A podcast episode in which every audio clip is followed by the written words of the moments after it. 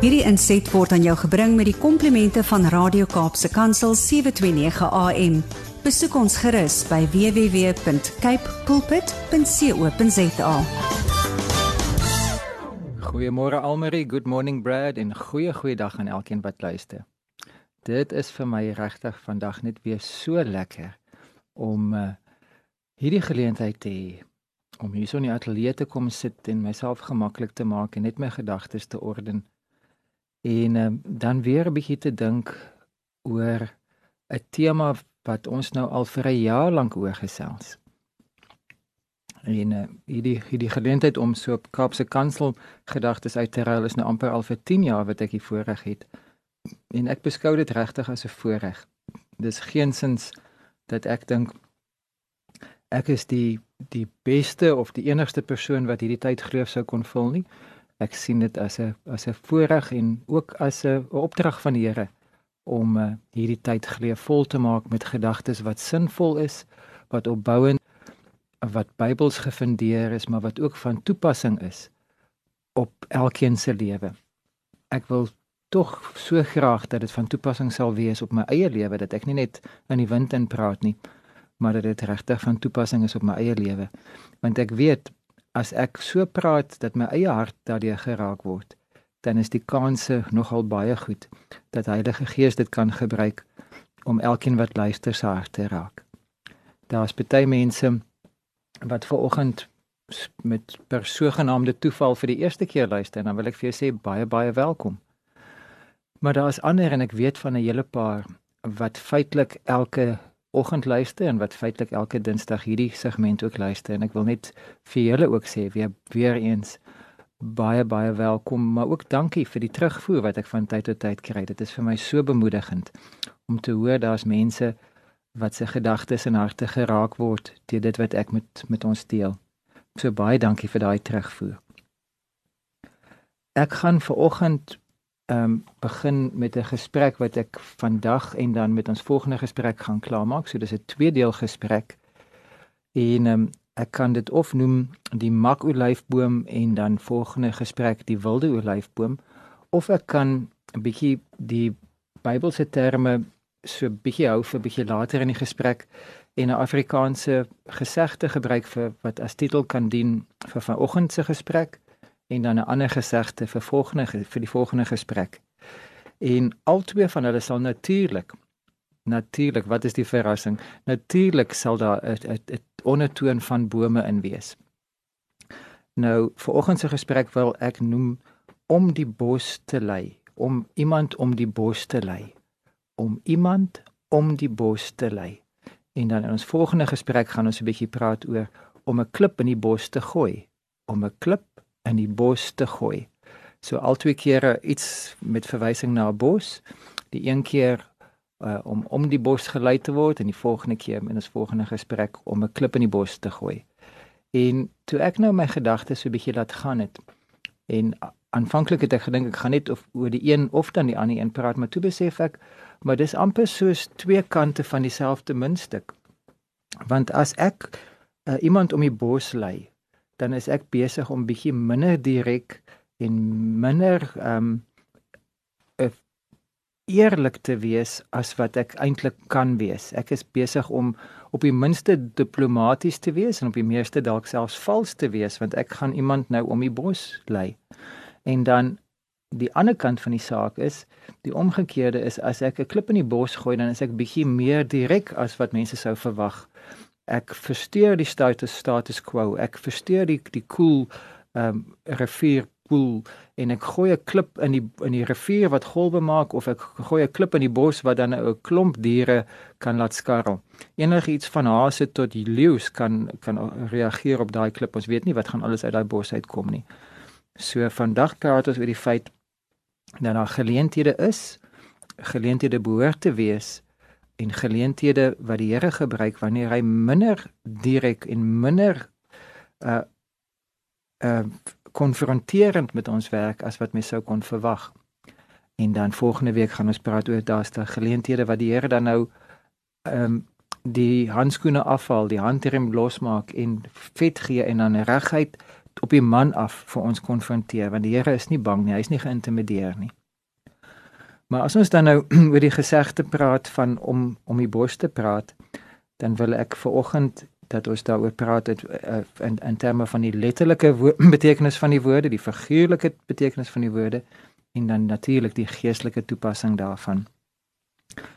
Uh literal meaning, figurative meaning and then spiritual meaning. Nou as ek letterlik net na die woorde moet kyk en ek uh, sy stap die gedagte dat dit 'n idioom of 'n uitdrukking is en ek kyk net na die frase se betekenis, dan sou dit beteken hier's 'n bos hier voor my, maar ek gaan nie deur die bos nie. Ek loop om die bos. Ek vat die lang pad en ek vermy die bos en ek stap al op die bosse rand, stap ek na die ander kant van die bos toe of na die ander kant van die terrein toe. En ehm um, natuurlik letterlik sou dit beteken dat ek dan nou uh sonskyn net op my op my wange. Ek is nie ek is nie in die koelte van die bome nie.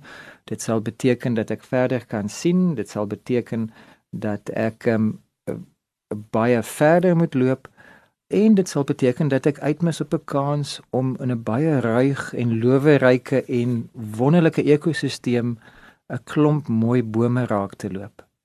En ek dink baie van ons vermy die natuur. Baie van ons vermy interaksie met die natuur. Nie almal van ons is hierdie extreme sport mense wat uh gaan na berge en kraanse en valleie en in in die Kalahari woestyn vir ons oorlewings uh toer reël nie. Meeste van ons voel dat as jy 'n botaniese tuin besoek het of as jy by 'n kwekery was, dan het jy genoeg interaksie met die natuur gehad. En ek wil myself strek en sê ek wil meer en meer hands-on met die natuur te doen hê. Ek wil letterlik nie om die bos stap nie, maar ek wil letterlik deur die bos stap.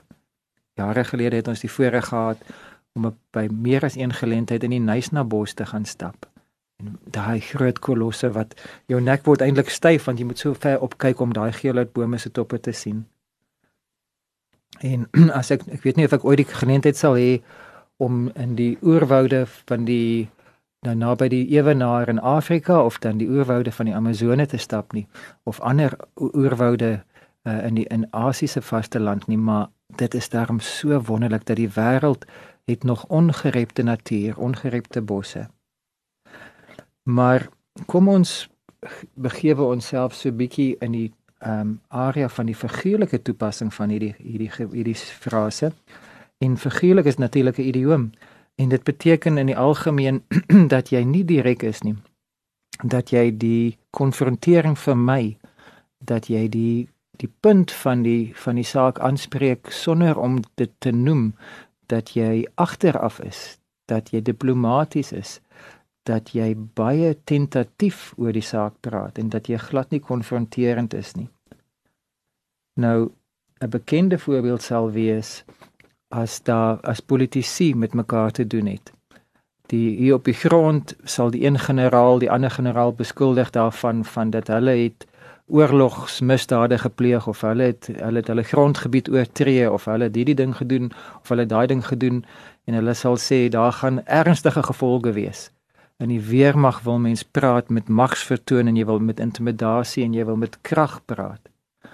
Maar dan sal 'n uh, ambassadeur of 'n minister van buitelandse sake of dan 'n staatshoof kom uh, as hy dan nou by die Verenigde Nasies of op een of ander publieke forum iets sê en dan sal hy net sê nee daar is 'n uh, 'n proses van om mekaar te vind is besig om gevolg te word en ons het al reeds heelwat vordering gemaak om mekaar se standpunte in ag te neem. En so hy praat lekker hoogdrawend en maak dit asof daar geen konflik is nie, asof geen botter in sy mond sal smelt nie en hy praat op so 'n manier dat hy eintlik almal om die bos lei want eintlik is hy besig om te sê die 5de brigade moet bewapen en hulle moet begin mobiliseer en hulle moet in posisie inkom maar in in die publiek op die media sal hy sê nee ons is besig om alle diplomatieke en uh, redelike uh, stappe te neem om nou hierdie konflik af te wentel. Hy praat om die bos. As ek moet dink aan 'n persoonlike voorbeeld in my eie lewe baie jare gelede ek dink ek was al op laerskool graad 1 of graad 2 ehm um, toe was ek en my ma uh, by geleentheid in 'n supermark gewees. My ma se handsak was in die trolly gewees en 'n persoon het verbygeglip en in die verbyglip het hy my ma se handsak gegryp en toe ma, toe agterkom dat my ma dit gesien het, toe begin hy hardloop en toe ek ewe kordaat agterna gehardloop. En uh, dit het toe nou so gekom dat die persoon nie regtig vinnig genoeg kon uitglip dat hy uitsig kon kom nie, so ek het hom toe nou ehm um, gekonfronteer. Nou in 'n in 'n film of in my my drome sou ek hom getackle het met 'n waffer se uh, laagvat en ek sou hom vasgevang het en ek sou so bo op sy borskas gesit en gesê het gee terug my ma se handsak en ek sou as die held van die verhaal sou ek uitgestap het. Maar in werklikheid het ek die persoon ewig gedwee omdat hy nou 'n volwassene is en ek 'n kind het ek gesê Oom, skus, my ma wil met jou praat. baie beleefd en baie gedwee asof ek nou soet van jammer om te pla en jammer dat ek nou oom se besige program van sakkerollery onderbreek, maar my ma wil met oom praat, so ek het ek het baie diplomaties en min konfronterend. Ek ek het om die bors gepraat want eintlik was ek uh, baie kwaad dat hy die handsak gesteel het. So in my eie natuur is ek meer geneig tot diplomatie as tot konfrontering. Ehm um, In 'n Bybelse voorbeeld is daar 'n skrif wat vir my baie wonderlik die direktheid van God, maar ook sy sy vermoë om om liefdevol en vol begrip met ons te deel in een vers raakvat. Met die boek van Romeine met al sy rykdom, die Romeine 11 wat so 'n gelaaide hoofstuk is met soveel waarhede. En dan Romeine 11 van 16 tot 24 praat van die makolyfboom wat natuurlik verwys na die Jode en die wilde olyfboom wat verwys na die heidene. En dan spesifiek Romeine 11 vers 22. Ek lees uit die direkte vertaling. sien daarom God se goedheid sowel as sy strengheid raak. Sy goedheid sowel as sy strengheid. Sy strengheid oor die wat aflig geword het, maar sy goedheid oor jou, mits jy in sy goedheid bly, want ook jy kan uitgekap word. Die Engelse vertaling praat van kindness and severity of kindness and sternness, of gracious kindness and wrath, of wrath and strict justice. Dat ehm um, daar verwysing is na die sagte kant, die lieftallige kant, die barmhartige kant, maar ook die streng en regverdige direkte kant van God se liefde. Vader se karakter kan nie net in een woord beskryf word nie. As ons sê God is streng en regverdig, dan is dit 100% waar as ons sê God is barmhartig en liefdevol en geduldig en vol barmhartigheid, dan is dit 100% waar. En in geen mens kan daai twee waarhede gelyktydig leef nie. Ons sal daai balans nooit kan handhaaf nie. Ons ons kapasiteit is net nie as mense groot genoeg om altyd daai waarhede te embody nie, om dit te beliggaam nie. Maar God in sy onbeperktheid is so groot dat hy gelyktydig kind and severe kan wees. Gelyktydig goed en streng kan wees sonder om afbreek te maak aan een van die twee. My voorkeur soos ek genoem het is dat ek gemaklik met die kindness en daarom is Romeine 2 vir my ook so kosbaar it's the kindness of God that leads us to repentance.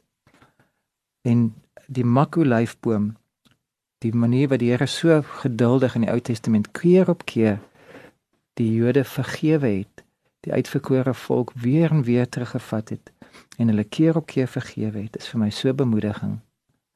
Daar is 'n tyd wanneer Jesus baie saggies aan my deur klop en sê: "Wag net so bietjie, ek wil iets vir jou wys. Ek wil vir jou wys hoe goed en hoe dierbaar en hoe geduldig en hoe vergewensgesind en hoe lieftallig ek kan wees.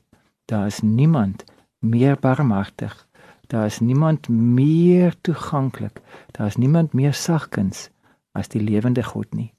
Kom ons praat met hom. Here, dankie vir u goedheid. Dankie vir u onbeperkte goedheid. Dankie vir u liefdevolheid. En dankie vir u kindness. It's your kindness that leads us to repentance. In Jesus naam. Amen. Hierdie inset was aan jou gebring met die komplimente van Radio Kaapse Kansel 729 AM. Besoek ons gerus by www.cape pulpit.co.za.